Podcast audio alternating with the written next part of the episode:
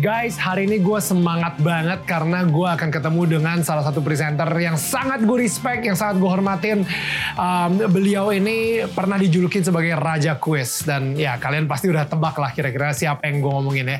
Tapi yang pastinya yang bikin gue lebih respect lagi adalah uh, hari ini gue pengen belajar dari kegagalan-kegagalan yang pernah dia lewatin. Salah satunya yang mungkin semua orang dan satu Indonesia tahu adalah uh, dipecatnya dia menjadi dirut TVRI. So, gue pengen tahu apa yang ada di kepala dia dan siapa tahu aja pembicaraan gue hari ini bisa menguatkan kalian. Khususnya bagi kalian yang saat ini mungkin lagi melewati saat-saat susah. Oke, kalau gitu langsung aja kita berkunjung ke rumahnya Helmi Yahya. Hai, ini Daniel, tetangga kamu. Ya, Mas Helmi, apa kabar? Yes. Datang juga akhirnya.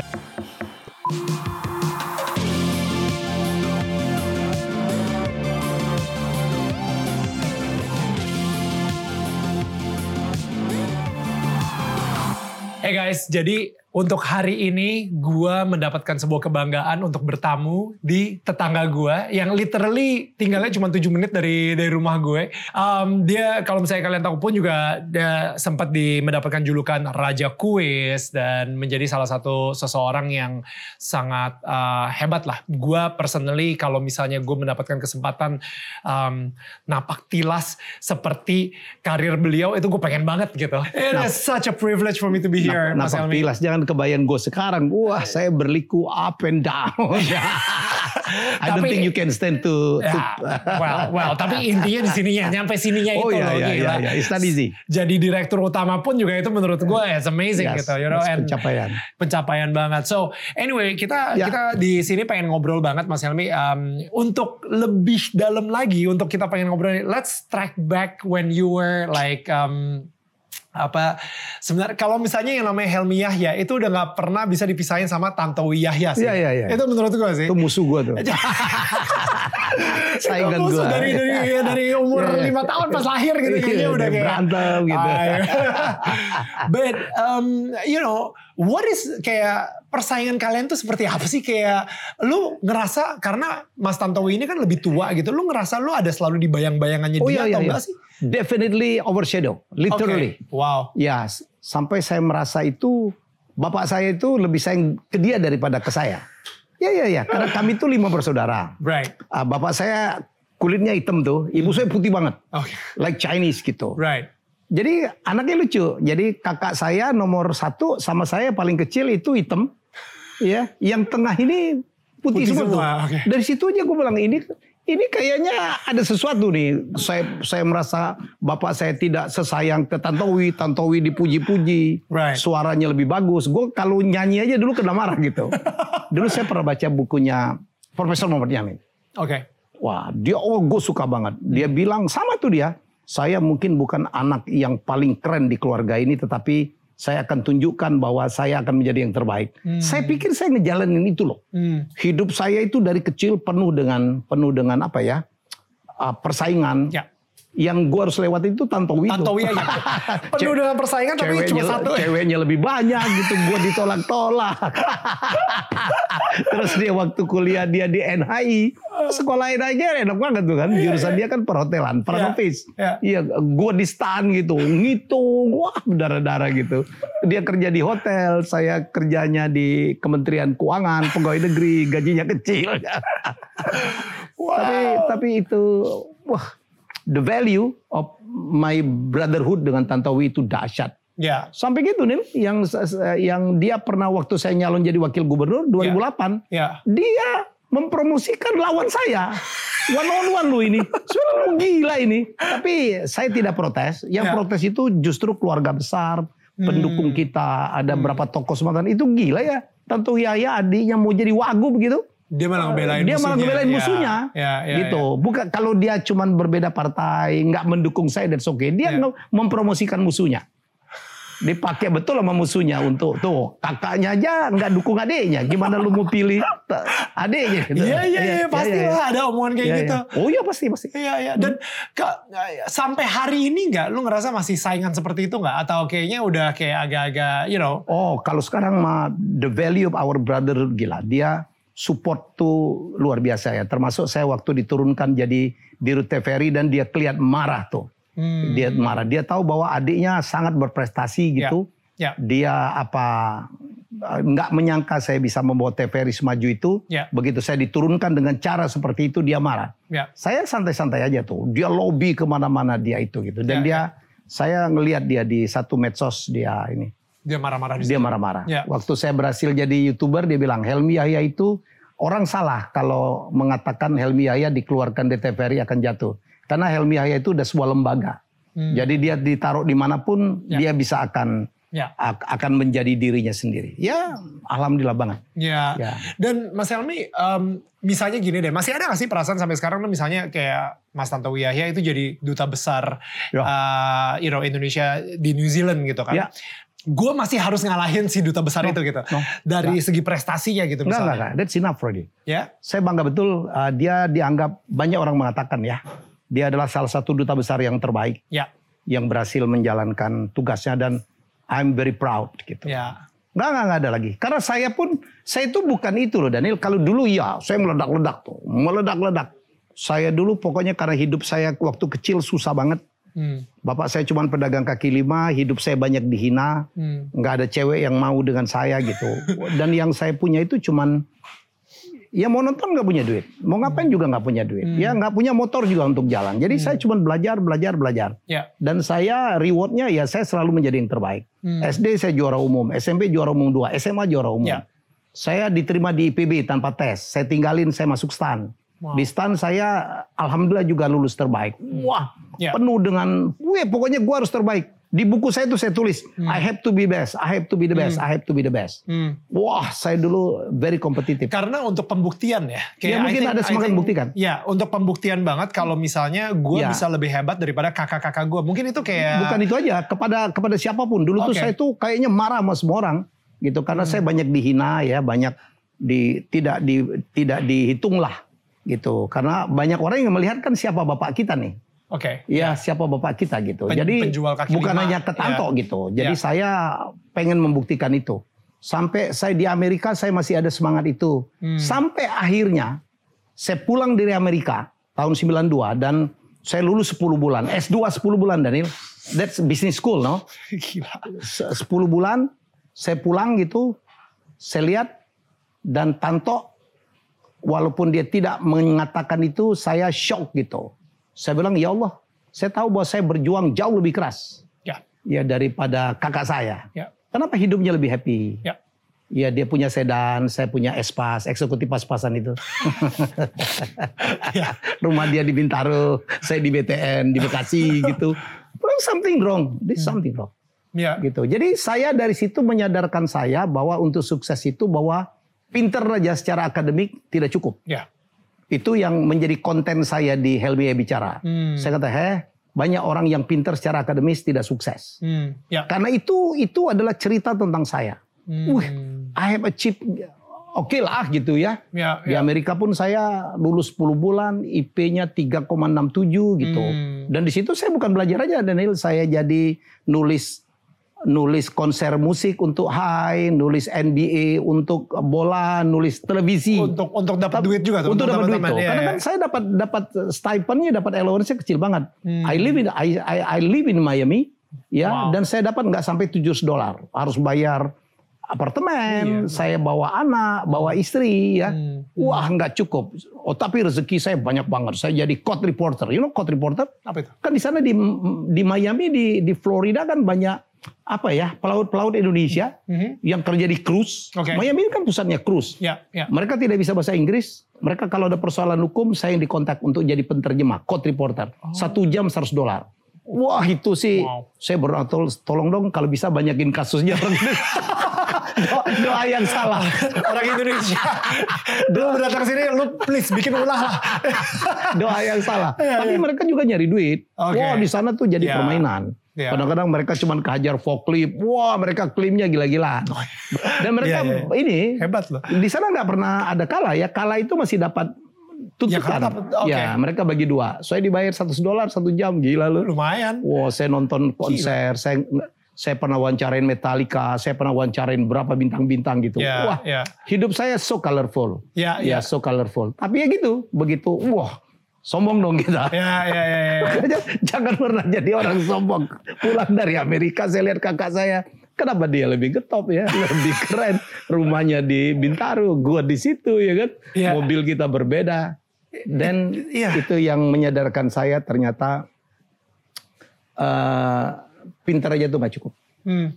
Dan nggak ada gunanya jadi orang sombong. Begitu kita jadi sombong, kita tidak akan pernah disenangin orang. Begitu tidak ada orang yang menyenangin kita, how can they are willing to help? Ya. Ya, karena hidup saya penuh dengan keberkahan. Sekarang orang yang nolong saya banyak banget. Saya ditawarin saham, saya ditawarin jadi CEO, saya tawarin Wow. jadi komisaris, Ya. jadi advisors gitu. Job saya penuh hampir tiap hari webinar gitu. Wow. Ya, Ya. jadi menurut saya ya itulah ilmunya hidup. Ilmu hidup itu kan networking. Betul. You Betul. have to make a lot of friends gitu. I learn a lot. Jadi saya dari Tantowi itu, he is my benchmark, Hmm. he is my guru. Ya, waktu saya jadi presenter, saya belajar dari dia. Ya. Ya kan, oh gitu ya jadi presenter quiz. Begitu gue meledak, siapa berani tahun 2000, tiba-tiba saya banyak undangan jadi uh, Chinese wedding MC. Ya. Wah, gue lagi gimana caranya tuh? Lu ikut gue aja, gue ikut, oh begitu, cah bisa gitu. Oh, iya, iya. Dan saya itu apa ya, peniru yang yang yang cepet lah. Observatif, lumayan Oh, observatif Itu tuh lah, ya. kalimatnya nyusun Ah. gitu. Dia bilang, lu kan bisa nyanyi. Wah, kalau wedding Chinese lu opening dengan nyanyi itu keren. Kan supaya nggak nervous. Kita kan kalau jadi MC itu paling sulit kan the first three Pas the minutes. right? first three minutes, Wah, ya, begitu ceng ceng, gue lagu Where do I begin? Oh itu orang lihat gue di mana? Wah dan gue salaman dan my nervousness is hilang gitu, ya, gone ya, gitu. wow. Hai hai gitu. Wow. I learned a lot from him. Jadi dia mengajar saya bagaimana cara berpakaian, bagaimana cara pakai jas. Hmm. Oke. Kalau termasuk oh detail, lu jangan pernah tuh mentang-mentang lu punya apa pulpen mahal Montblanc gitu Ya. ditongolin jas. No, you cannot do that. Kita wah dia banyak cara bagaimana masang button. Wow. Wow, so detail. Sedetail itu ya? Detail. Iya, dia iya, kadang iya. tegur. Dia pernah ya nilai, dia pernah ya. Begitu saya ngetop, Hmm. dia tuh sampai kita pernah pulang ke Palembang. Dulu kalau pulang ke Palembang yang ditegur orang kan dia dulu tuh. Pasti ya. Wants to be dia belum naik tuh. Siapa Oh. berani gue naik duluan. Oke. Tiba-tiba begitu siapa berani gue meledak. Turun ke Palembang orang negur gue dulu. Iya, iya, iya. Dia tendang pantat gue. Kurang ajar lu lebih getap dari gue gitu. Tapi dia nggak pernah ngerasa insecure ya? Tante Oh iya itu ternyata dia pernah ngaku dia insecure. pernah. Pernah. Sama lu maksudnya kayak, Oh, iya, ini- kayaknya nih Helmi Yahya bisa lebih ngetop dari Iya. gue nih. Bukan itu aja. Ternyata pada saat pada saat kita sekolah pun dia feel very insecure. Oh. Ya karena nilai saya kan selalu baik. Lebih Dan bagus, saya itu ya. kan setahun di bawah dia. Ya betul. SD kita satu SD, SMP kita satu SMP. Oh. Wah, kebayang loh dia bilang. Dia pernah ngaku tuh di depan depan media. Ah. Itu gua kalau nggak naik kelas sekelas gua sama Helmi yang gua bully itu. jadi dia jadi pinter, jadi belajar gara-gara dia ngapain satu kelas gitu. iya, nggak Yahya pengen nggak satu kelas. Jadi satu hari lucu nih. Jadi SMP saya uh, memilih untuk tim cepat tepat. Hmm. Saya kelas 2, dia kelas 3. Dites loh, termasuk dia. Gue lulus, dia enggak. Wah, di, dibully dong sama kakak gue nomor 2, namanya Almarhum Jalimin. Gimana toh? Kau kalah dengan ademu. Ah, bilang, saya itu kan punya hak veto, dia pengurus OSIS. Pakai hak veto. dia marah banget. oh, jadi lucu, jadi lucu. Iya, Jadi, iya, iya. tapi itulah yang membuat hubungan saya dengan Tantowi dengan lebih ringkas. He's my guru, so I learn a lot from him Ya. in anything. Hmm. Wah, saya pernah ya. Begitu saya lagi meledak-meledaknya kuis siapa berani, kan saya diundang ke mana-mana. Saya pernah ikut kuis satu acara saya nyanyi lagu dangdut. Hmm. Dia telepon saya. Hey, Mi, aku tahu kau suara kau bagus dan nyanyi dangdut bagus. Never do that. Oh. Never do that. Because your brand is not that. Oh wow. Kau bukan penyanyi. Ya. Apalagi penyanyi dangdut. dangdut. Ini bukan masalah dangdutnya nih. Ya, ya, ya. Your brand lain tuh. Personal brandingnya Personal branding. Dia Yahya. mengajarkan saya Ya. tentang personal branding Ya, ya. lu itu sesuatu yang MC yang apa apa ya Kelas lah. kelas Ada- ada- lah ya, gitu. ya, ya. Jadi harus Ya. ya jangan sembarangan gitu. Kau tampil joget-joget lagi depan orang. And he made it. I learned a lot. Wow. Wah berkali-kali saya salah berpakaian, saya saltum, dia kritik saya. Kadang-kadang saya tuh nggak suka gitu dikritik, tapi saya tahu bahwa he loves me so much. Oh, Ya, jauh, ya. ya. He means, Until now, sekarang aja dia muji terus gitu, muji terus. Hebat adik gue. Um, gue ngerasa gitu ya, kayak sorry, jadi bokap dulu pedagang kaki lima, Hmm, jual kacamata. jual kacamata. Kacamata Nah. bekas lagi. Oh my god. Dan anak-anaknya itu yang yang saya tahu gitu ya, Mas Tantowi sama uh, Mas Helmi sendiri Ya. itu benar-benar jadi banget gitu. Dan Ya.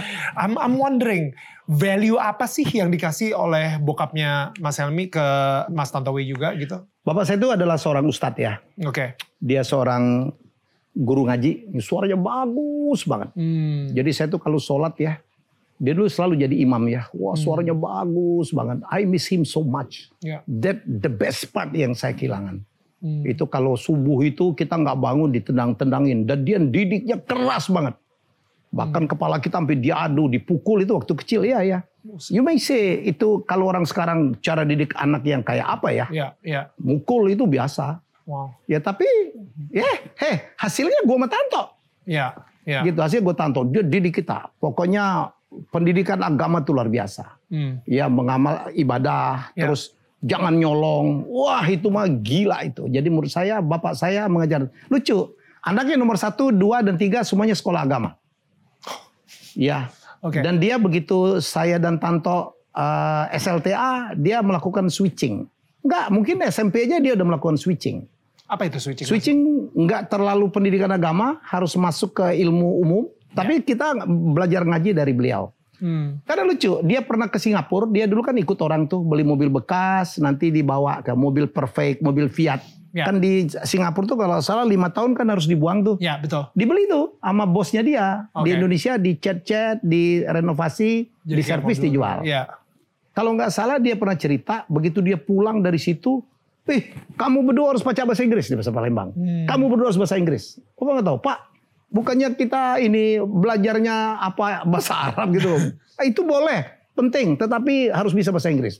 Hmm. Dia paksalah itu saya dengan Tanto kursus bahasa Inggris. Itu yang saya ceritakan di mana-mana. Hmm, Tiap ya. hari saya jalan untuk ke kursus itu 8 kilo pergi, 8 kilo pulang. Wih, itu saya kelas 1 SMP dan umur saya 13 tahun. Tiga kali seminggu marah kita. Iyalah. Marah kita, tapi dia tahu banget bahwa kita tahu banget akhirnya kemampuan Tantowi bahasa Inggris dan saya bahasa Inggris lah yang membuat kita Ya, seperti ini. ya, ya. Saya bisa ke Amerika, dia bisa jadi dubes. Jadi Ya. lucu. Jadi ceritanya waktu di Singapura itu kalau nggak salah kenapa dia berubah? Temennya kecopetan. Mhm. Iya. Nggak ada nggak ada yang bisa teriak gitu. Nggak ngerti teriak bahasa Inggrisnya gitu. Tolong, tolong. Gak ada yang mau tolongin juga gitu. Iya iya iya. Dia bilang anakku harus bisa bahasa Inggris. Dan That simple. bokap sendiri eh, apa ya? Jadi jadi kayak bokap ini ya dari pedagang kaki lima itu bisa mempunyai visi yang Oh, iya. begitu luar biasa. Dia sangat visioner. Like apa yang memotivasi dia itu bisa sampai seperti itu? Itu gitu? itu yang saya bersyukur betul. Saya punya ayah yang saya pikir dia mungkin tamat SMA saja. Ibu saya malah nggak jelas ya. Hmm. Tamatnya mungkin SD atau SMP saja. Tapi dia demikian visioner. Dia mau anaknya sekolah harus ke Jawa, harus ke Jawa. Hmm. Ya, dia udah plan tuh. Sampai dia gadein ya rumah kami itu, rumah kayu di dalam gang dia gadein ke bank. Yang sampai dia meninggal Daniel itu rumah nggak tertebus. Hampir di sita bank. Ya, Tanto lah yang menyelamatkan ya. Ya. Akhirnya we, we buy back. Ya, ya, ya. Ya, jadi wah gila dia habis-habisan loh, habis-habisan. Saya daftar di stand, dia anterin sendiri itu.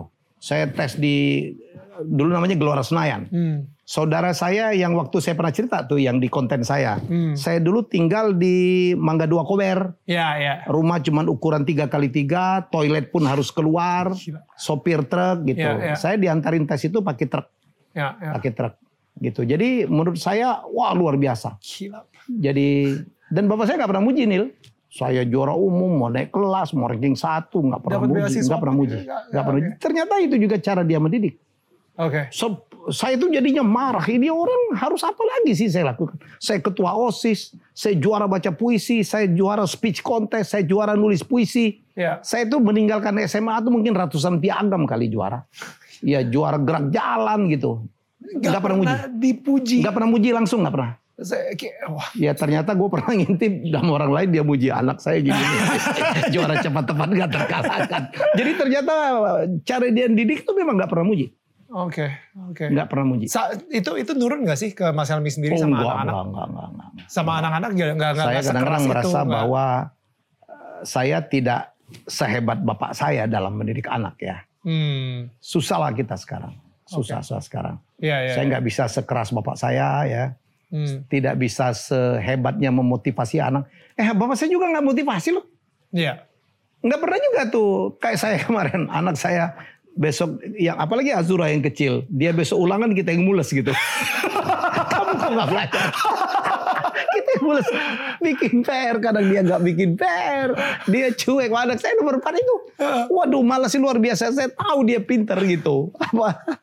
Makanya kemarin waktu naikkan kelas kemarin saya ngambil rapotnya kaget. Ranking satu seumur hidup Azura anak saya itu baru ranking satu. Dia kaget saya lebih kaget. Nah tuh nah kamu kan bisa ranking satu. Dulu saya saya dengan tante tuh self motivated Iya. nggak pernah dicek udah bikin PR apa enggak, Oh. udah belajar besok ujian enggak, enggak, enggak, enggak. Tapi self motivated. Saya dengan Tanto itu ternyata termotivasi sendiri kalau gua mau nggak mau melarat kayak bapak gua, gua harus sekolah. itu aja. Oh itu motivasinya. Itu aja, itu aja. Itu aja. Oh wow. Ya. The- maksudnya the, the fact that sampai Mas Helmi sendiri bisa sampai ke Amerika dan Ya. maksudnya Ya. um, tadi yang ada satu kata sih yang Mas Helmi tadi sempat bilang gitu. Mas Helmi bilang kalau misalnya you know, gua udah bekerja keras, gua udah Ya. mati-matian, tapi kenapa tetap aja kelihatannya hidup dia lebih enak dari gue. ya. Dan ya. itu itu menurut saya banyak loh yang dirasain orang-orang saat ini Iya, gitu. iya, Gue yakin iya. banget nih kayak uh, yang lagi nonton pun juga Ya. gue yakin dari mereka mereka mungkin bisa relate nih. Ya. Gue ini Semoga. adalah orang yang bangun paling pagi, uh, datang paling pagi ke kantor, habis Ya. itu uh, selesai paling malam segala kayak Hmm. gitu dan kayaknya udah bertahun-tahun seperti itu dan gak ada reward.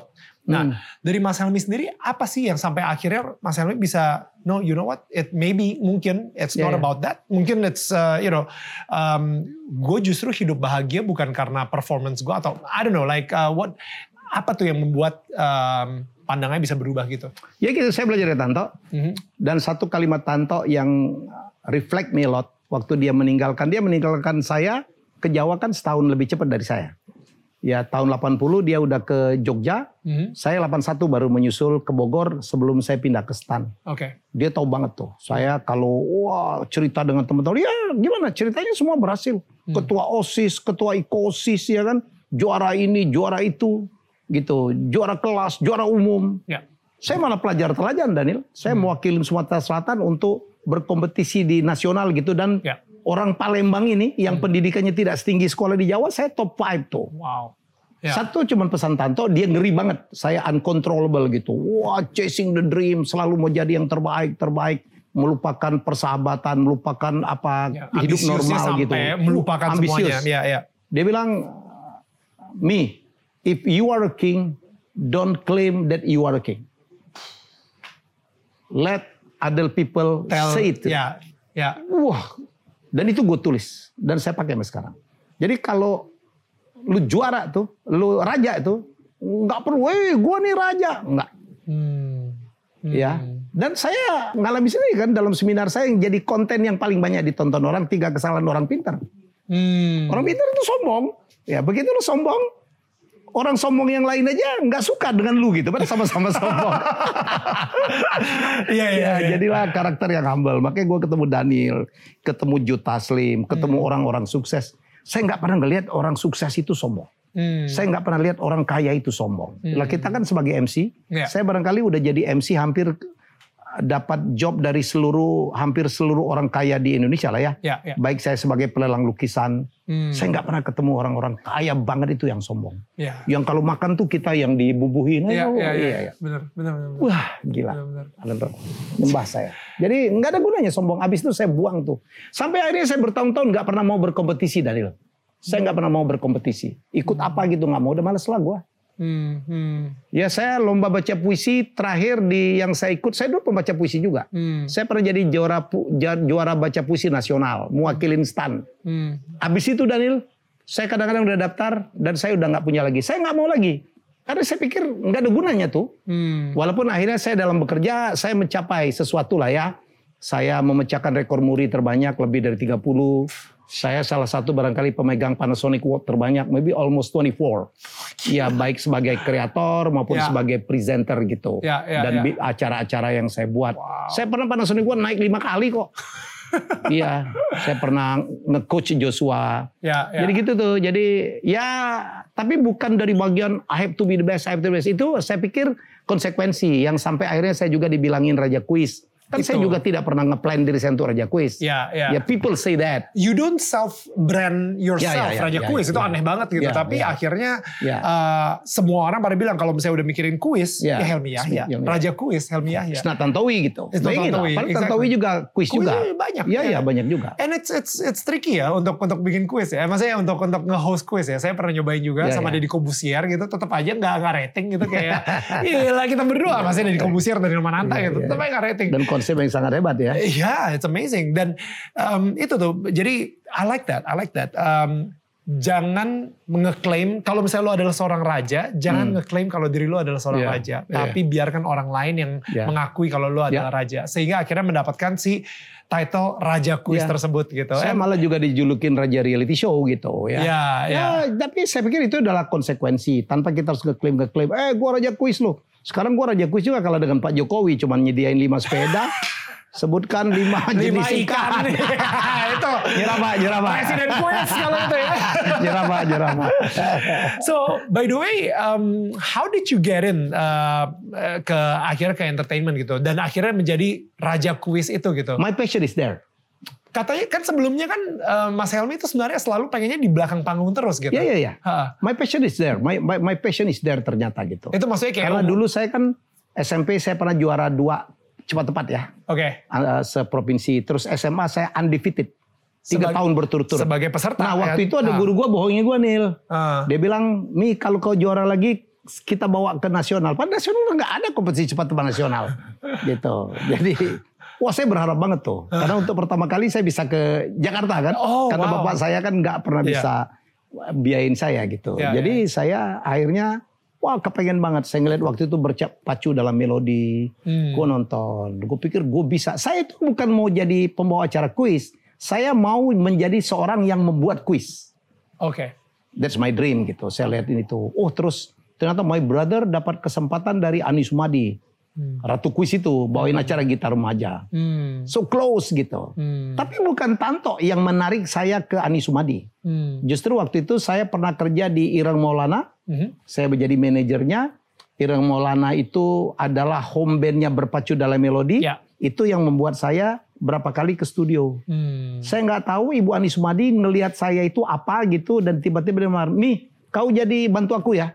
Hmm. Kau bikin soal. Jadi tugas saya pertama itu membuat soal untuk gitar remaja itu. Oke. Wih, Soal I learned a lot. Saya bilang kayak ditawarin gimana ya Nile? Iya, That's iya. our dream. Iya, Habis itu ya saya 10 tahun di Anis Madi, kemudian sempat kuliah di Amerika, ya belajar kuis habis-habisan. Karena kan saya alumni STAN. Alumni STAN tuh dan saya S2 saya kan accounting, udah hatam tuh ilmu kita. Hmm. Ya. Jadi ilmunya ngulang. Apalagi saya kan sebelum sebelum berangkat udah jadi asisten dosen, udah jadi dosen. Hmm. Jadi pelajaran itu udah bolak-balik tuh. Ya, ya, Ya, jadi saya punya waktu banyak untuk belajar belajar basket, belajar kuis gitu. Hmm. Jadi begitu pulang uh, waktu Krismon saya keluar dari Ani Sumadi dan I make my own. Hmm. Jadi bikin Joshua Enterprise itu Hmm. dan tugas saya pertama adalah membuat kuis kuis Joshua. Di situ saya take off gitu. Jadi D- dari kuis Joshua abis itu ke siapa berani itu berapa lama? mungkin sekitar kuis Joshua 98 eh, siapa berani sekitar tahun 2000. Oke, dua 2000. tahun. Tapi eh, Mas Helmi sendiri udah berkecimpung di dunia kuis sebenarnya udah 10 tahun berarti tahun ya. sebelumnya, iya, iya, untuk iya, kayak iya. nulis-nulis Tahun ini. ini tuh sebenarnya 30 tahun saya berkiprah dalam dunia televisi. dunia televisi gitu. ya, ya, ya. Wow. Yang yang saya suka kayak gitu sih, kayak kayak to be honest ya, um, ada juga yang bilang sama saya gitu kayak, wah Nil, lu nih kayaknya cocok banget deh untuk jadi di entertainment gitu. Ya. Tapi dikasih taunya ketika saya SMA dan saya ngerasa, eh apaan sih kayak gitu Ya, kan. ya, ya. Belum ada gitu Chinese di dunia entertainment saat Hmm, itu gitu. ya. Jadi kayak nggak mungkin banget. Sekarang Chinese semua nih. Ada Boy Ba- William. banyak, banyak, banyak, banyak, banyak, Enggak semua, tapi banyak. Eh, nah, maksudnya kayak Mas Helmi sendiri, eh, kayaknya orang udah ngelihat potensi Mas Helmi di dunia kuis itu 10 tahun, tapi nggak langsung ya, kayak harus Nggak, membutuhkan proses dulu selama Betul, 10 betul, tahun, betul, betul, betul. sampai akhirnya boom, eh, Iya. siapa berani. Kayaknya orang mikir kayak siapa berani itu kayaknya wah hebat banget ya Mas Helmi cocok nih gini-gini segala. But it's actually 10 years in the making. In the making. With, with all your experience, Yes, dengan yes, pengalaman, dengan uh, apa bikin kuis dulu, bikin Yeah, soal, yeah. dan observasi, Observasi. ini dan lain-lain. Dan gitu. saya ini, saya kan jadi floor director. itu Floor juga. director itu kan menya, tugasnya itu mendeliver the message gitu. Pesan dari PD, program director. Betul. Dalam itu Bu Ani. Ya. Mi, kau ngomong dengan Kusandro, ngomong gini-gini ya. Mi, suruh Kusandro senyum. Mi, kau suruh peserta itu. Kalau dapat hadiah, boya. Eh, lebih, Apa, lebih iya semangat jangan gitu. kayak zombie gitu. Oh gitu. Mi, kau minta tuh penonton itu. FD banget. Oh, FD banget. Ternyata dari situ saya belajarnya, Nil. Hmm, Saya belajar dari situ. Jadi se- 10 tahun saya menjadi floor director. ya, Ya ilmunya Ibu Ani habis. ya, ya. Habis lah. Ya. jadi untuk mendirect. Walaupun saya tidak pernah menjadi PD. Hmm. Tapi waktu saya meledak di kuis siapa berani itu pun nggak sengaja. Barangkali udah cerita ya bahwa dua hari sebelum syuting hostnya nggak ada. saya ngadep Pak Handoko itu Pak Anggi Handoko. Udah lu aja Mi. Bapak Ya. percaya enggak sebenarnya tapi nggak ada pilihan gitu. so Ya, ya, when ya. when I step in gitu jadi ya. pembawa acara I'm not the rookie gitu. I was not the rookie. Ya. Karena di di belakang saya ada 10 tahun Ya. saya Ya. apa bersentuhan dengan mulai dari Kusendratmo, Ya. Bob Tutopoli, Even your brother juga. Membawa brother dia juga, pernah ya. saya ngajarin dia kekencengan dia marah, eh lu kan adik gue gitu. Mungkin Iya, dia iya. moodnya lagi nggak bagus sama kepra sama semuanya gitu. Dan Wow. saya tahu what to do gitu. Saya Hmm. tahu bagaimana untuk menjadi quiz master yang seharusnya. Ya, Iya ya. ya.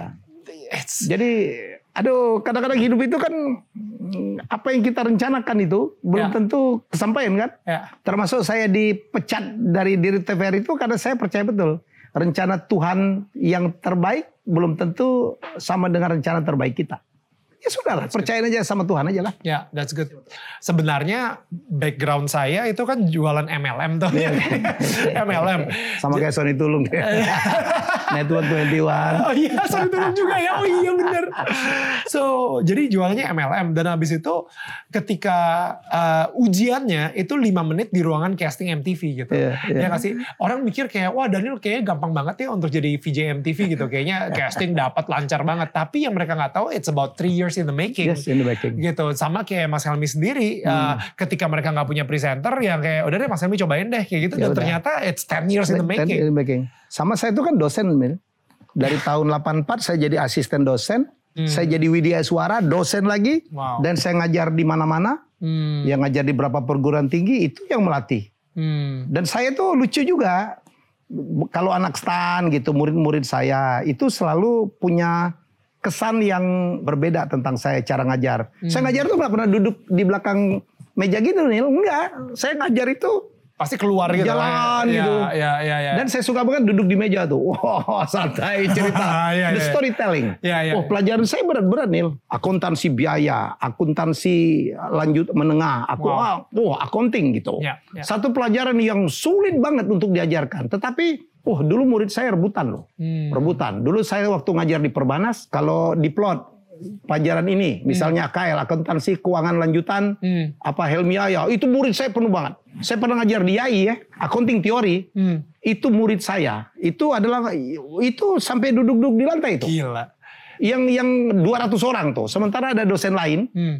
ini padahal dosen gua tau nggak? Di stan. Itu yang yang masuk ke sana 10 orang, 20 orang Ya, gitu. ya.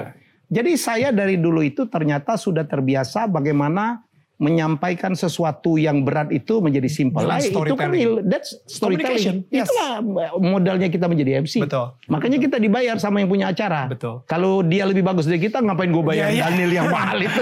gue ngomong langsung aja. Karena dia tahu banget kalau kita menyampaikan, ya ya menjadi itulah yang saya bilang. Sahabat saya Mardigu Wowi gitu, dia nerangin sesuatu yang oh berat, ribet ya ribet gitu tentang MMT, tentang apa cryptocurrency segala Ya. macam dan disampaikan dengan bahasa yang sangat populer gitu Betul. dan orang awam pun paham. Jadi Betul. saya pikir that's the art of communication yang Ya. kalau di belakang sebelum saya jadi MC itu panjang banget ya ya karena saya menjadi dosen. karena gue ngerasa kayak emang uh, orang pinter itu bukan uh, dari knowledge-nya, tapi dari kepinta apa uh, sesuatu yang ribet itu dibikin simple Ya. sama dia, and that's smart. I think that's uh, Sementara banyak dosen killer. Lu tau dosen killer definisinya? apa tuh? Mengajarkan sesuatu yang simple tapi dibuat ribet. Ribet ribet ya, itu dosen killer banget. Sorry, sorry. Gue dosen juga. Kalau ditanya marah gitu. iya. Oh my god. sorry, sorry. Udah pernah ngelewatin juga kayak gitu. So, um, Mas Helmi sendiri pernah nggak ngerasa satu saat di mana setelah menjadi raja kuis, you lu takut untuk let go uh, predikat tersebut. Nggak juga, Sehingga lu kayak nggak mau ada. move on. Gue pokoknya harus kuis terus. Image gue adalah branding gue kuis. Gue pengen mana kuis. Jadi eh, like um, you know karena gue tahu juga ada beberapa orang yang ketika dia udah di comfort zone-nya, dia nggak mau Gak berinovasi. ada beban, gue gak ada beban. lepas. Dengan dengan gelar itu gak ada beban. Oke, why? Nggak- How? Nggak ada honornya juga gitu.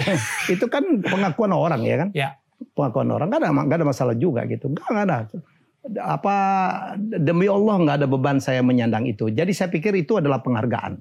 Saya malah prihatin sekarang tidak ada tuh anak-anak muda gitu yang mau belajar untuk menjadi quiz master. Ya. Ya, to be honest lah. Saya dulu pernah dengar Franz apa sih Franz lagi si Da- Darius Hmm. gitu ingin menjadi menggantikan Elbia ya. Wah, gue suka banget tuh. Hmm. Dan I'm willing to share gitu. Ya. I'm willing to share. Saya share bagaimana ilmunya menjadi quiz master. Ya. Ya harus pakai letupan ya. Hmm. Harus mau mau belajar baca apa enggak gitu. Mau punya waktu doing your research or not Betul. gitu. Itu yang penting. Saya kan pernah mecahin rekornya namanya kuis 24 jam yang disponsorin di di Sumarekon itu berhadiah Pajero Hmm. 24 jam kuis Gila. pesertanya 12 orang, Hmm. hostnya 18 orang gitu. Kan saya coach. Oke. Coach bagaimana untuk menjadi quiz master. Phil Bram Dunar, Ferry Salim gitu. Oke. Alia Rohali. Hmm. Itu kan ada ilmunya tuh yang saya pelajarin dari seorang Hmm. Ani Sumadi. So dari dari you know your branding has always been quiz master, uh, Ya. raja quiz dan lain-lain gitu. Um, kapan you know kalau misalnya Mas Helmi tahu kalau misalnya ya gue nggak akan selamanya di quiz juga gitu. Wah, Gue pasti akan let go. Sekarang kan saya nggak taruh motor juga di situ lah ya. Enggak lah, Hmm. enggak lah. Saya kan saya justru mengambil ke ke apa ya uh, rumah besarnya gitu. Hmm. Saya saya kalau ditanya Mas Helmi sekarang apa? Ya saya komunikator. Ya ya Ya produknya bisa apa aja, bisa Ya. kuis. ya Orang nggak banyak tahu. Solid-solid ngebongkar saya. Saya adalah seorang pernah menjadi auctioneer lukisan. right. Iya Itu gitu. juga Semua komunikasi. way, saya jadi yes. moderator. Hmm. Saya sekarang menjadi public speaker. Public speaker kan saya bicara apa personal branding, Ya. komunikasi, Ya, ya. creativity, Youtuber gitu. juga jadi YouTuber komunikator gitu, juga. komunikator. Ya, ya. Jadi saya mengambil rumah besarnya gitu. Ya, ya, Ya, ya. jadi kita jadi MC wedding, Yes. MC launching gitu. Hmm, Jadi oke. menurut saya sih rumah besarnya, nggak ada beban sama sekali. pernah ngerasa gagal nggak sebagai raja quiz gitu misalnya?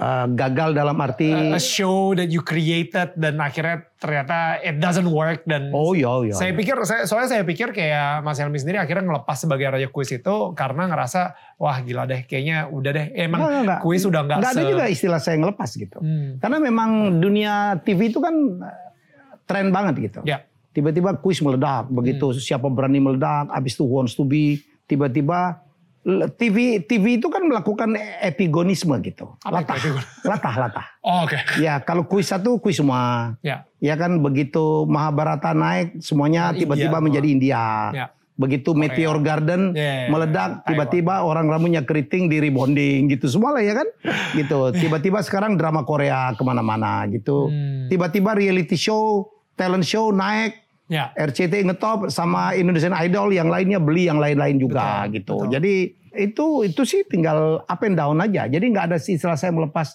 gelar saya sebagai raja kuis. Karena memang kuis lagi nggak ada. Ini yang saya lagi rencana mau bikin siapa berani online, Online, ya, ya, via YouTube ya. dan aplikasi dan offline juga. Hmm. Karena supaya acara di YouTube itu juga ada konten edukasi. Hmm, Ini yang kita hmm. kekurangan ya ya ya gitu. Saya masuk ke sana lah. Ya udahlah. Ya.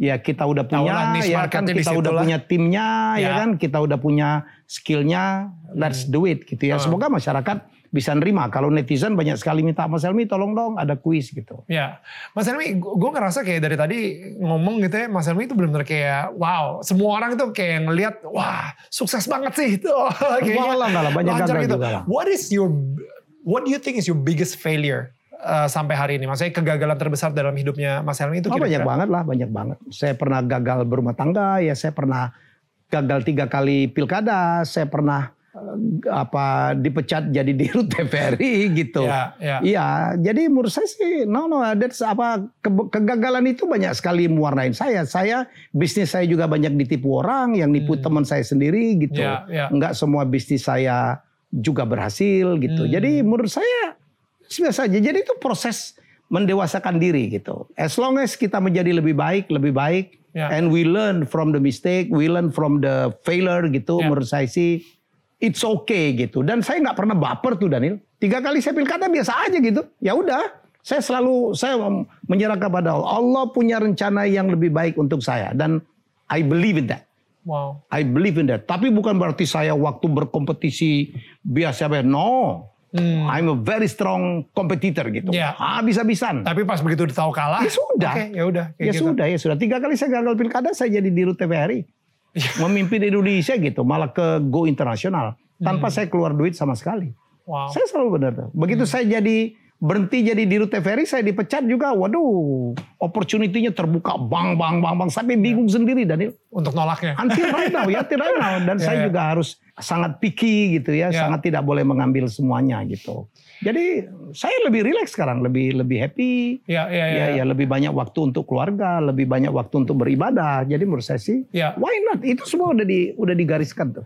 So pas em, tadi Mas Helmi sempat ngomong soal gagal berumah tangga Iya, gitu iya, dan dan maksudnya em, itu karena Mas Helmi masih ada dalam uh, season atau mungkin apa ya uh, karakter Mas Helmi yang ambisius banget yang benar-benar harus pembuktian iya, banget dan lain-lain sampai akhirnya rumah tangganya terbengkalai atau gimana kira-kira? Ya bisa jadi lah ya. Jadi setiap kali ada kesalahan kan kita ada contribute juga lah ya. Sure, sure. Ya kita juga nggak bisa menang-menangan. Tapi kan Hmm. yang sudah ya sudah bagian dari bagian dari, Dari hidup, pembelajaran Pak. kita. Jadi sekarang sih I'm so happy now gitu Ya, ya. of course. Dengan anak-anak, dengan cucu saya gitu. Jadi Ya. itu itu yang terbaik ya sudah gitu. Jadi Hmm. Tidak perlu dan saya juga tidak pernah wah membuka-buka apa gitu menyalah-nyalakan enggak Ya, lah. Ya, When it's over, it's over. ya, ya. Ya, we have to respect orang yang pernah mendampingin kita, orang yang Of pernah mendam, membuat kita menjadi seperti ini. Saya itu karakter saya itu apa Nil, termasuk saya dipecat dari TVRI, ya. Jangan pernah ya berkata jelek terhadap kampung di mana tempat kita pernah tinggal, alma mater tempat kita pernah apa dididik, kantor di mana tempat kita mencari makan dan termasuk talking bad apa, tentang orang-orang yang pernah punya jasa sama kita atau pernah bersama kita. Udah, saya orangnya begitu. Pernah nggak saya misalnya saya talking buat TVRI, no TVRI keren banget, tolong tonton. Kemarin ada gerakan boykot TVRI, jangan dong, ini kan TV publik. Hmm. Pernah nggak saya ngomentarin tentang siapa di sana sekarang? Hmm. Enggak, saya pernah. ditanya aja, kenal nggak dengan diri? No, no. Dan Hmm. itu literally, saya nggak kenal dia gitu. Dan itu pilihan dari Dewan Pengawas, ya monggo silakan. Ya, ya. Take your turn gitu. Saya Ya. senang banget kalau TVRI menjadi lebih maju Hmm. daripada saat saya menjadi dir. Hmm. Artinya platform yang saya saya saya buat itu bagus lah take off. Saya Iya. tiga kali udah tiga kali disclaimer jadi WTP gitu. Hmm. Jadi ya sudah gitu. Jadi Hmm. menurut saya gak ada masalah, gak ada masalah. Hmm. Hmm. Saya juga nggak pernah ngomongin orang dari di, di media. Hmm. Infotainment nanyain Mas Helmi komentar dong ini adalah kasus ya. Komentarin orang lagi kita aja masih banyak persoalan gitu. Ya, Nggak ada, ya, nggak ya, ada. ya, ya, ya. Dan teman-teman infotainment juga nggak pernah nanya tentang begituan. They have they respect you ya for Ya, ya, that ya. ya. Dan- No, no, no, no, they respect karena that's from us gitu. Ya. Kita juga nggak mau nyinyir, komentarin orang. Kita punya persoalan sendiri-sendiri lah. Of course. Belum tentu kita lebih baik dari orang yang kita komentarin. Wow. Saat itu sa- saya saya saya penasaran sih. Saat itu komunikasinya Mas Helmi sendiri dengan Allah itu seperti apa ketika uh, tahu rumah tangga itu diambang kegagalan gitu misalnya. Ya saya serahkan kepada dia. Oke. Saya serahkan. Saya bilang ya putuskanlah yang terbaik. And I'm I'm uh, very ready. Itu yang terbaik. Ngapain Hmm. memaksa gitu ya kan? Kalau itu keputus semua yang terbaik, walaupun pahit ya, walaupun berat menjalani itu, I'm ready. What would you do different um, di pernikahan yang sebelumnya? That you do now. Now, Ya. saya belajar banyak Hmm. bahwa sesibuk apa pun, segila apa pun ambisi kita, bahwa kita tidak boleh meninggalkan keluarga. Hmm. Saya sekarang bersama keluarga. Saya senang banget sekarang punya istri, punya anak-anak, punya Ya. cucu. Hmm. Cucu itu saya wajibin tuh. Tiap minggu harus ketemu opa gitu. Ya. And then and we communicate. Dan istri saya sekarang ya, Febri mengajarkan itu, Pak, you have to communicate. Karena dia berasal dari keluarga yang kayak gitu tuh. Yang Hmm. setiap Sabtu, Minggu, bapak ibunya semua anak, semua mantu, cucunya harus datang. Wow. Communicate, kita makan-makan, Iya. ya kan ke mall. Sekarang aja nih gara-gara COVID-19 Iya, iya. kita terbatas. Kita Tapi sini. we do it here. Kadang-kadang istri saya masak, Hmm. istri saya suka masak. Jadi saya pikir, dan sekarang saya senang banget. Anak saya pertama kemarin I lost him. Tiba-tiba dia jadi chef di Austin, Texas Oh. gitu. Saya bilang udah pulang-pulang. Begitu dia kan cuman visanya visa turis Daniel. Kan harus pulang. Udahlah kamu Iya. jangan kembali lagi. Iya. Kamu urusin papa aja. Kebetulan usaha papa lagi berkembang semua Ya. dan papa baru ke, baru dipecat dari Dirut TVRI dan banyak kegiatan. Hmm. Dan dia yang maintain saya sekarang, dia yang yang manage saya. Wow. Jadwal saya, dia deal, dia kontrak segala Wow. macam. Karena I'm so busy gitu. Ya, Jadi ya. udah saya senang banget. Saya di- apa asisten saya, manajer saya sekarang anak saya, Randy itu. Hmm. Yang nomor dua sekarang bekerja di perusahaan saya. Di, Jadi apa? Dia videografer. Oh, oh. Videografer dulu kerja di malesbanget.com jadi chip Oh. kreatif gitu. oh wow. Ya, yang nomor tiga baru kelar dari UPH setelah di Jerman kemarin nggak berhasil, baru wisuda. Wah keren banget, udah punya usaha sendiri ya. Ya, eh. Dia ahli grafis, ahli desain, ahli bikin logo, Right. ahli bikin mural gitu. Jadi berapa restoran yang di Senopati, Hmm. yang di Citos itu karyanya dia gitu. Hmm. Hmm. She's really me gitu. Wow. Iya, artnya kuat banget. Anak kreatif banget lah. Anak kreatif Ya. banget. Jadi Ya. menurut saya, udah I'm so happy. Anak Hmm. saya masih di sini. Ya, anak-anak dengan saya semua. Jadi I'm so happy. I'm a Hmm. family man. Ya, ya, I'm a ya. family man. I can see that. Kayaknya ya lo lo kayak lebih lebih peduli sama ber apa ya uh, having the family close to you. Oh iya iya iya. You know, mau apa uh, lagi Nil? Mau apa lagi? Ya mau apa lagi kita Ya. gitu. Betul. What is it for gitu? Semua perjuangan kita kan for them. Nah dulu kadang-kadang ah gua ini kerja bisa-bisa nyari duit untuk lu gitu. Hmm. Ya saya selalu nasihatin. Saya pernah nasihatin Irfan Hakim. Saya pernah nasihatin beberapa yang junior-junior saya. Eh, nyari duit jangan segitunya. Saya jangan gilang, hati-hati, nyiapin di rumah ya. Hmm. Nggak bisa tuh. Wah, gua kan nyari duit nggak pulang-pulang kan untuk lu gitu. Hmm. Yang diperlukan di sebuah keluarga kan nggak cuma duit tuh, Wow. perhatian Ya. gitu. Dan nggak bisa juga. Oh, sekarang kan ada gadget. Hmm. Ya, yang penting quality. Aduh, enggak lah. Hmm. Hmm. Ya, sama aja kita nge-MC yang zaman online gini kan beda rasanya. Aneh banget, aduh. Aneh webinar banget. aneh banget gitu kayak. Atau jadi motivator di webinar aneh Iya, banget. Aduh. Pas pas ngomong kayak, oke mari kita sambut. Itu pun juga udah pecah speakernya gitu.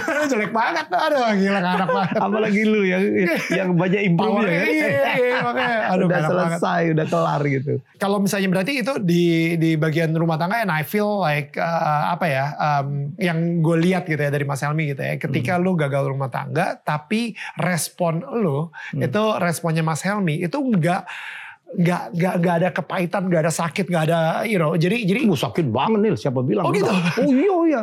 Badan saya turun 10 kilo kali. oh Wah, bayangin ya, kita bersama seseorang 23 tahun. hmm, Wah, mendadak hilang gitu. Dulu gue masuk kamar tidur gue aja nggak berani. Gue ajak anak gue tidur sama papa ya. Oh, Oh, iya, iya siapa bilang berat berat. Tapi kan saya harus harus meyakinin itu kan. Udah, this is yang terbaik. hmm, Ya for both of us. Ya. Jadi berat banget. Bayangin saya lagi bawain acara namanya Masihkah Kau Mencintaiku. Yang ngedamai-damain orang yang mau cerai itu. aduh Begitu syuting tuh Nil, habis itu kejadian ya. Mbak Reisita mendiang, ya terus Mbak Winarini psikolog, dia Nitami semuanya diam. Would he say gitu? Iya. Apa yang akan dikatakan Nil for the opening? Kan saya opening. hmm, You know my opening? Bayangin. Helmi Yahya yang mendamai-damaikan orang, dia nggak bisa berdamai. wow Saya cuma ngomong gini.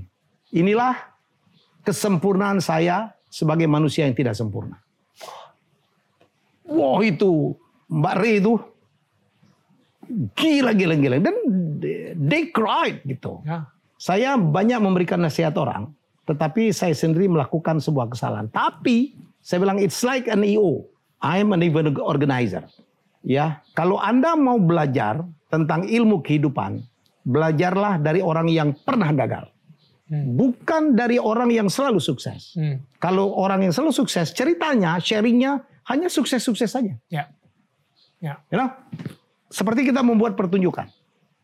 Pertunjukan sebenarnya nggak bagus-bagus amat. Lightingnya mungkin kurang, sound systemnya noise. ya Tapi penonton penuh. ya Tiketnya sold out. ya Orang teriak-teriak. Nggak ada tuh pembahasan. Eh tadi soundnya nggak bagus loh. Hmm. Coba kalau yang beli tiketnya separuh gitu. Wah semua dibahaskan. Tadi nih sound systemnya, lightingnya kurang. Anda mau dapat kesempatan yang mana? Mau belajar dari orang yang pernah gagal atau mau belajar dari orang yang selalu berhasil? Hmm. Saya, oh saya nulis buku Daniel, Hmm. judulnya Bisnis Syarat Primbon. Hmm. Saya tulis 8 tahun, itu cerita tentang kegagalan-kegagalan saya dalam berbisnis. Supaya orang lain tahu. Hmm. Di situ saya tulis kok ciri-ciri wajah para penipu, gue tahu banget tuh. Oh buset. Iya, gue tulis bro. Karena udah terlatih ya, saking, Ada saking gitu. seringnya saya ditipu orang. Oke, ini, ini wajahnya gimana nih kira-kira? Kalau ini oke. Eh, Oke. Gak ada banget ke situ ya. Makanya gitu. Jadi, uh, itu itu ikonik banget tuh. Wow. Ikonik. Ya, ya. Saya dipanggil oleh Mbak Siwi. Mbak Siwi waktu itu jadi direktur ya. Saya waktu itu di RCTI pegang tiga acara. Hmm. Pagi siapa berani dengan Alia, siapa paling berani. Sorenya uang kaget, Hmm. malamnya masih kakak mencintaiku. Wow, mereka kaget. Ya. Jadi saya megang mungkin waktu itu hampir 50 jam. Mungkin lebih lagi. Enam- eh, hampir 70 jam satu bu- satu bulan. Gila. Untuk a big station, the biggest station at that time. Ya. Wih, kalau terjadi apa-apa dengan saya, saya dipanggil. Oh, Ya. piye iki Mas dalam Mbak. Bismillah aja. Hmm. Ya, rasanya saya bilang masyarakat mengerti bahwa ini memang harus saya lakukan. Hmm. Wah, terutama yang masih kakak mencintaiku. Iya. You know what? The rating naik. Wow. Wow. Ya. Padahal mereka kayak bisa aja mereka kayak ah ya, ini Ah, hostnya terpikir. aja Ya, ya, ya, ya, ya. gagal masa gue nggak eh, bisa aja kayak gitu gitu. Dan ternyata orang jadi nggak suka gitu kan. Iya, iya, iya. Nggak, nggak, nggak, nggak. Wih, pernah sempet takut nggak? Kayak, aduh, ini kalau misalnya ratingnya jatuh. Nggak juga saya. Oh iya sempat takut. Dulu kita takut banget karena kita populer gitu. Ya, Kita tutupin betul kalau terjadi kemungkinan apa. Kadang-kadang kita ngalah gitu kan. ya, ya, ya. Ini kita ngalah jangan ya Allah kalau bisa ini ya udahlah nggak apa-apa lah. Gue rugi-rugi dikit gitu nggak Iya, apa-apa. iya, Ya iya. rugi banyak pun nggak apa-apa. Supaya nama kita tidak Supaya hancur. nama jangan sampai. Ya, tapi waktu itu udah terjadi ya sudah. Tapi buktinya alhamdulillah tuh sampai sekarang. Hmm. Ya, tapi itu saya juga tidak pernah itu. Saya itu menjadi itu catatan yang terbaik untuk saya untuk proses belajar. Itu bagian dari proses pembelajaran. Betul. Jadi menurut saya bagaimana kita sebagai manusia mau belajar. Hmm. Dan semuanya saya percaya betul. Semuanya udah dituliskan oleh Allah. Ya. Dia udah atur semuanya. Udah tinggal jalanin aja. Hmm. Hmm. Baper-baper bolehlah dikit aja gitu. iya, iya, ya iya. saya gagal waktu waktu pilkada terakhir. I was in Munich. I was I was in Munchen. Hmm. Dia bilang apa Mas Elmi gugatan kita ditolak. Oke deh gitu. kita continue shopping shopping shopping. mau apa lagi gitu, mau apa lagi. Gue gue actually gue kaget sih pas uh, minggu lalu kan lu cerita kalau misalnya uh, tiga kali ga- gagal Iya, pilkada iya, gitu. iya. Gue ngerasa kayak once punya nama besar Helmi Yahya Nah. gitu ya. Come on, orang pasti nyoblos lah. Enggak, udah kayak enggak, gitu. Tapi ternyata This is this is not a popularity contest, brother. hmm, Banyak hal tuh, banyak faktor E-nya. ya, ya, banyak ya. faktor E. Masyarakat sekarang kalau nggak dikasih duit kadang-kadang nggak milih juga gitu. Iya, iya. walaupun nggak semuanya, tapi ya buktinya saya tiga kali kalah. So, Ya ngapain juga saya ngotot-ngotot lah. um, tiga kali kalah. Maksudnya oke, kalah pertama mungkin ngerasa udah it's okay. Baru pertama kali nggak apa-apa Iya, lah. Kalah kedua, ya mungkin ini pembelajaran tapi nggak apa-apa. Ya, Iya, iya. Ketiga kali jangan sampai kalah. Kalah ketiga, like it udah mulai self doubt gak sih? Maksudnya kayak kayak Nggak pikir juga. sama diri sendiri Nggak gitu juga, kayak. Cause I would do that. gue bakal kayak Neil ternyata nggak semua orang mencintai lo dan gue bakal kayak di Iya, iya. di kamar mandi gue. Karena? Karena memilih dalam sebuah pilkada itu is not real dia suka atau tidak dengan kita gitu. Hmm. Banyak banyak pertimbangannya. Oke, Ya ya banyak pertimbangannya. Ya sudah lah mau diapain. Saya cuman saya kembaliin ke atas. ya. Ini Tuhan memang nggak kasih gue jadi kepala daerah itu aja. Kan begini loh. Fenomenanya satu Daniel. Yang menentukan orang itu itu adalah from what angle kita melihat itu. Ya, saya berusaha melihat from the bright side. Ya. Kenapa gue gagal? Oh, mungkin gue nggak dikasih di situ. Hmm. Wah, dan saya motivasi diri saya. Saya percaya Allah punya rencana yang lebih baik. Hmm. Dan I feel that. Hmm. Lo kebayang kita baper tuh. Ya. Berminggu-minggu, berbulan, kenapa gua kalah ya Allah, gua ngetop gitu. Ya, ya. Dan gua tuh nggak nggak bego-bego amat gitu. Hmm. Wah kita berminggu-minggu, berbulan-bulan gitu. Your energy is very negative. Hmm. Rezeki lo nggak bakal datang Daniel. Muka kita keras gitu. Orang mau ngasih dikit jangan Dani lagi rusak tuh dia. Mukanya lagi negatif banget negatif banget iya, gitu. bener, bener, bener, begitu lo muka lo negatif seluruh. Ini kan kita bicara tentang di secretnya Rhonda Byrne ya. Ya. kita bicara bahwa energi positif akan dapat positif. Ya. Ya gitu. Kalau lo loser gitu, lo akan didatangi oleh para loser. Wah, wah ilmu gue yang gue sharing di konten gue tuh itu semua tuh. Ya. Itu itu gue banget tuh. ya ya The bird of the same feather flock together. Ya. Kalau lo sukses, bergaulah dengan orang sukses. Ya, Begitu ya. lo, wah gue gagal nih. Yang datang orang gagal semua. ya Dan gue nggak merasa gagal. Gue dipecat jadi TVRI itu, no, I'm not gagal. hmm, hmm, Lo lihat my bright side. Gue tuh dikasih waktu lima tahun loh untuk merubah TVRI. hmm, Saya cuma butuh dua tahun. Hmm. Udah bisa berubah tuh TVRI. Ya. Dari nomor 15 ke nomor 8. Ya. Iya kan dari nggak ditonton jadi tonton orang. Dari jadul menjadi millennials. Uh, hebat banget tuh. Ya udah dong, turun dong. Ya. Iya dong. Ya. Iya, kita percaya akan dapat kesempatan yang lebih besar. Saya sekarang mendapatkan itu. hari pertama ketika di eh, dipecat jadi you know di TVRI hari pertama saya saya saya juga lupa sih karena saya akan ada di grup PGA gitu. Cuman itu heboh Yo. banget tuh. Iya, di iya, grup iya. itu pada heboh. Yang heboh bukan Mas Helmi ya. Semua yang ada di situ. yang Pak menyayangkan, Rahmat, kata Maman. eh, Kang Maman segala. Wow, itu Farhan, pada, ya. iya, Farhan. Pada heboh semuanya. Marah-marah segala kayak gitu dan lain-lain. Tapi kalau misalnya dari Mas Helmi sendiri. Itu dikasih tahu cuma pakai surat kalau nggak salah ya. Cuman kayak. Oh ya, tapi kan prosesnya lama. Iya, iya, iya. Kan saya dikasih SPRP, dikasih waktu tiga bulan, eh satu bulan untuk menjawab. Hmm. Saya jawab. Habis Ya. itu apa penolakan saya ditolak dan saya udah tahu saya udah Suratnya saya baca juga actually di di grup kan di, Iya, di di posting juga. Ya, ya, sudah. Dan um, you know emang yang yang saya ngelihat ya kalau yang saya boleh uh, share juga gitu ya mungkin karena saya, saya satu grup nih sama Mas Helmi di uh, Iya. Panasonic Gobel Awards uh, ini uh, family lah. family-nya gitu kan dan um, pas lagi saat itu saya ngelihat Mas Helmi emang kompetitor emang emang kompetisi you Ya. lu- apa if the race has not finished Ya, oh iya iya. you will give your fight. best. Terus you apa eh, kasih surat lagi, respon Iya, iya. Oh, lagi, iya, iya. benar-benar kayak ngasih tahu, ngasih argumentasi kenapa eh, you know Iya, iya, iya. eh, Mas Helmi itu yang paling pantas untuk berada sebagai Dirut TVRI. Tapi pas begitu eh, ketok palu, udah ini. Ya Ya udah. sudah, Udah. udah fine. I Udah. find my best. Thank you. ya, jadi bayangin ya, surat rencana perberhentian saya itu cuma dua halaman. Dan saya menjawabnya 18 halaman dengan lampiran 1500. 1500. ya. Ya. Ya, dan mereka itu Dewan Pengawas itu punya waktu satu bulan kalau nggak salah untuk merespon. Not even a month. Ya. I don't think they read it. I don't, yeah, I don't think so. I don't think so. Ya ya, I don't think. Jadi sudahlah. Jadi enggak lah. Kalau dibilang ada apa enggak lah Daniel. Saya udah memimpin TVRI. Kalau saya ada kecurangan nggak mungkin lah TVRI dapat unqualified opinion dari BPK. Sure. Ya. Semua tentang Liga Inggris segala macam sudah kita diskusikan kok. Siapa bilang Ya. orang The Boss itu datang pada saat launching. Ya, ya. Ya itu yang ya itu satu hal yang lucu tuh Daniel. Saya diundang oleh DPR untuk RDP namanya rapat dengar pendapat Hmm. dengan Dewan Pengawas, dengan direksi. Hmm. Saya kan udah dipecat. Hmm. Terakhir dengan Dirut. Hmm. Dua jam, tujuh menit. Saya bicara mungkin satu setengah jam. Saya bicara sendiri itu. Hmm. Satu setengah jam di depan anggota dewan yang demikian. Waduh, lu kalau nggak terbiasa, gila. intimidating. Tapi they respected me gitu. Ya. Mereka denger gitu. Pertanyaannya itu nggak ada yang menyerang sama sekali. Sampai ada yang ngomong ini nggak ada salah ini di rut ini. Yang salah dewasnya gitu. Hmm. Seorang Nurul Arifin gitu. Wala, saya ceritain semua lah. Ceritain semuanya. Ya, ya. Tapi habis itu udah. Yang terakhir saya nangis gitu. Saya nggak tahan. Di balkon itu ada ratusan pegawai TVRI yang takut kehilangan saya. Mereka kasih saya bunga. Saya bilang kalau pun saya menuntut ke pengadilan, petun itu because for them. Karena berat banget. Ya. Gaji kecil. Ya. Gajinya nggak sampai dengan sekali kita nge-MC lah. Ya. Ya kita kerja 24-7. Iya. You know, Ya. 24-7. Dan saya banyak tuh nombok tuh. Tiap ke daerah saya nombok. Saya nggak pernah mau dibayarin oleh karyawan saya. Saya bayarin mereka. Berapapun. Makan malam saya bayarin mereka. Wow. Ya, karena kalau saya ke daerah mereka pengen ketemu. Wah, dirutnya selebriti nih. Mereka Ya. bangga banget. Ya, jadi ya mau diapain lagi? Dan saya tidak dihargai. Hmm. Padahal saya penghargaannya gila banget. Untuk pertama kali dapat Panasonic Award. Nggak pernah TVRI dapat Panasonic Award. Hmm. Ya, yang Memori Emuldi tahu menang. Ya kan WTP.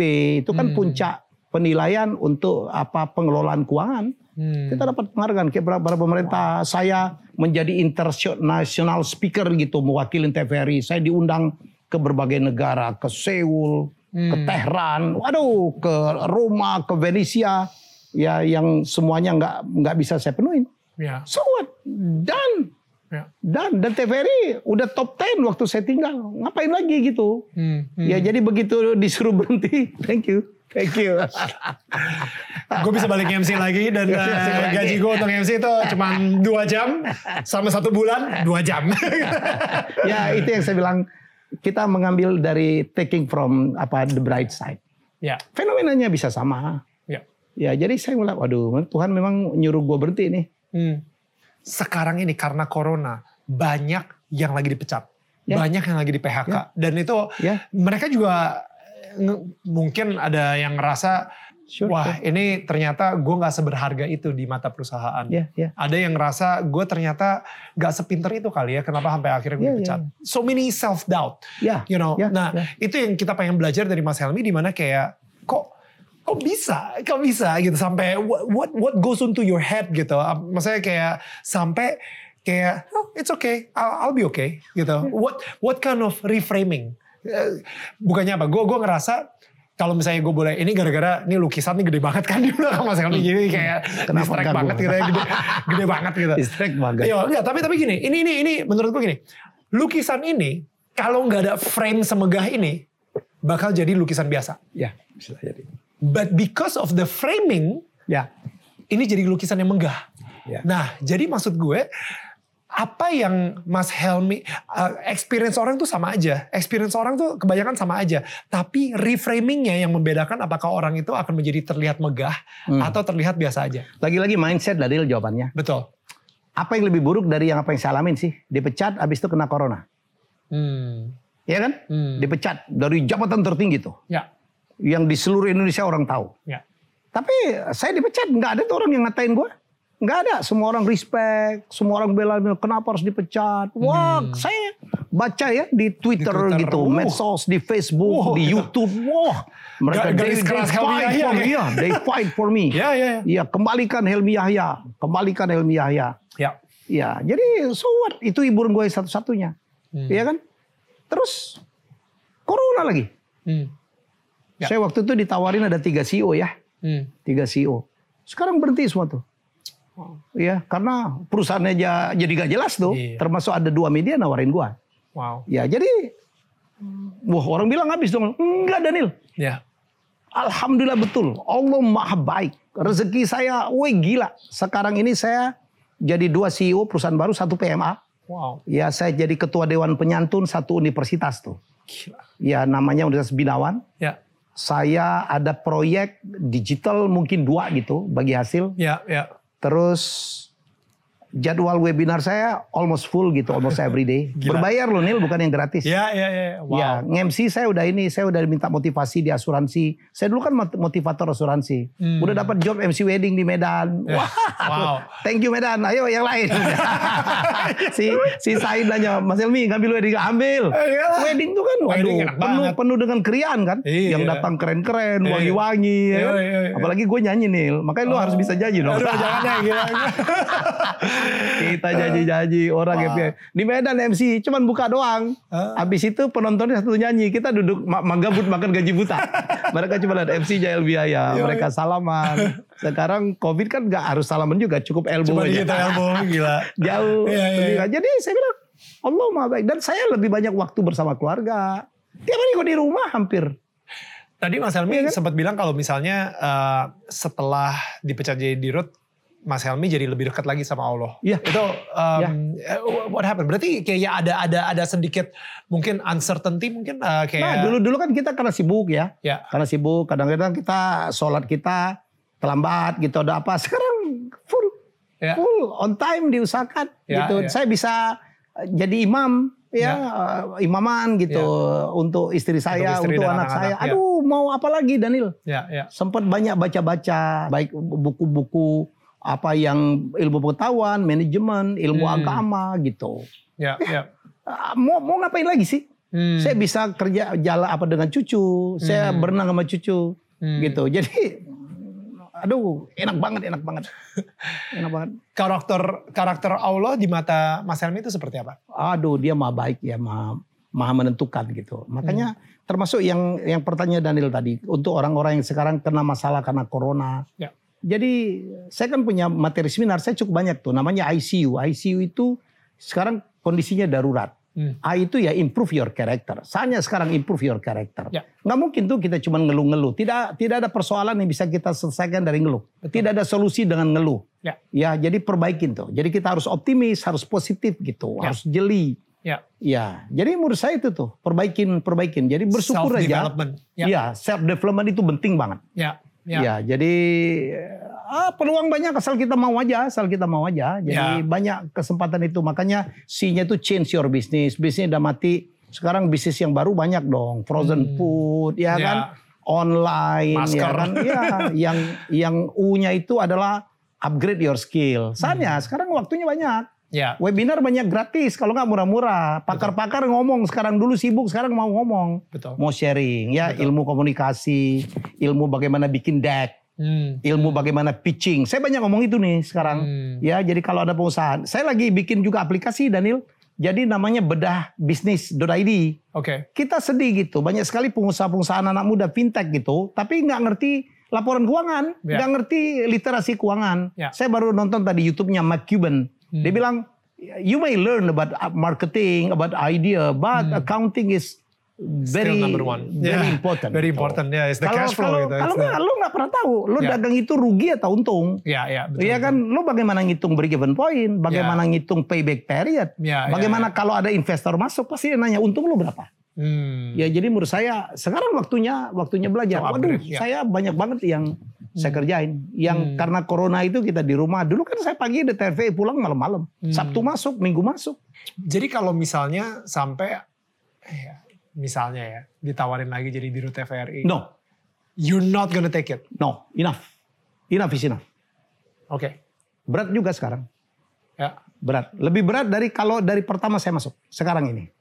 You, ya, I you- won't comment anymore. Tapi no, Ya. I'm happy like this. Hmm. Kalau gue balik lagi, aduh saya nggak bersyukur dengan kata Allah, lu tuh udah gue kasih sekarang demikian banyak gitu facility, Wow. gitu things that make you happier now. Ya. Ya closer to the family, closer to Allah gitu ya. Ya. Dan juga saya bisa berbuat lebih banyak untuk orang lain gitu. Ya. Untuk Ya. keluarga saya, untuk tim saya, untuk teman-teman saya. Hmm. Saya ada bisnis, bukan bisnis pekerjaan yang dalam bidang pendidikan, Ya. memberikan training orang. Hmm. Waduh, what else lah? Enggak, enggak, enggak. enggak. Hmm. I'm I'm happier like this. So so um, I think I think uh, this is the last the last uh, closing statement gitu ya uh, dari Mas Helmi gitu ya. And I Gue think jabanin tuh mau tiga jam. Oh iya iya lumayan sih sebenarnya gila ini kayak ini kayaknya udah hampir dua jam gitu kita ngobrolnya gitu.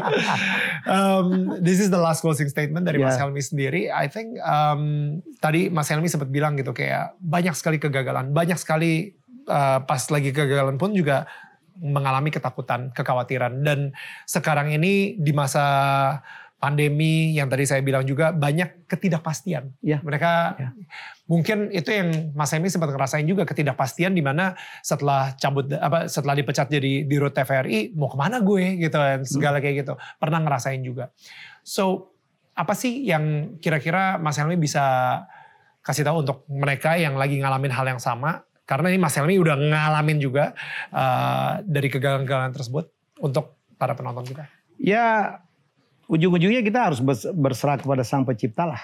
Karena Hmm. dialah yang menentukan nasib kita, rezeki kita gitu. Hmm. Asal kita ikhlas saja jalanin. Hmm. Hmm. Dan saya percaya juga Daniel, when you do good, you'll get good. When you do bad, you get you'll that. get bad. Ya. It's just a matter of time. Jadi kalau kita melakukan sesuatu kebaikan, pasti akan dibalas juga dengan kebaikan. Hmm. Begitu juga sebaliknya. Asal kita bersabar tuh. Apa arti ikhlas sesungguhnya?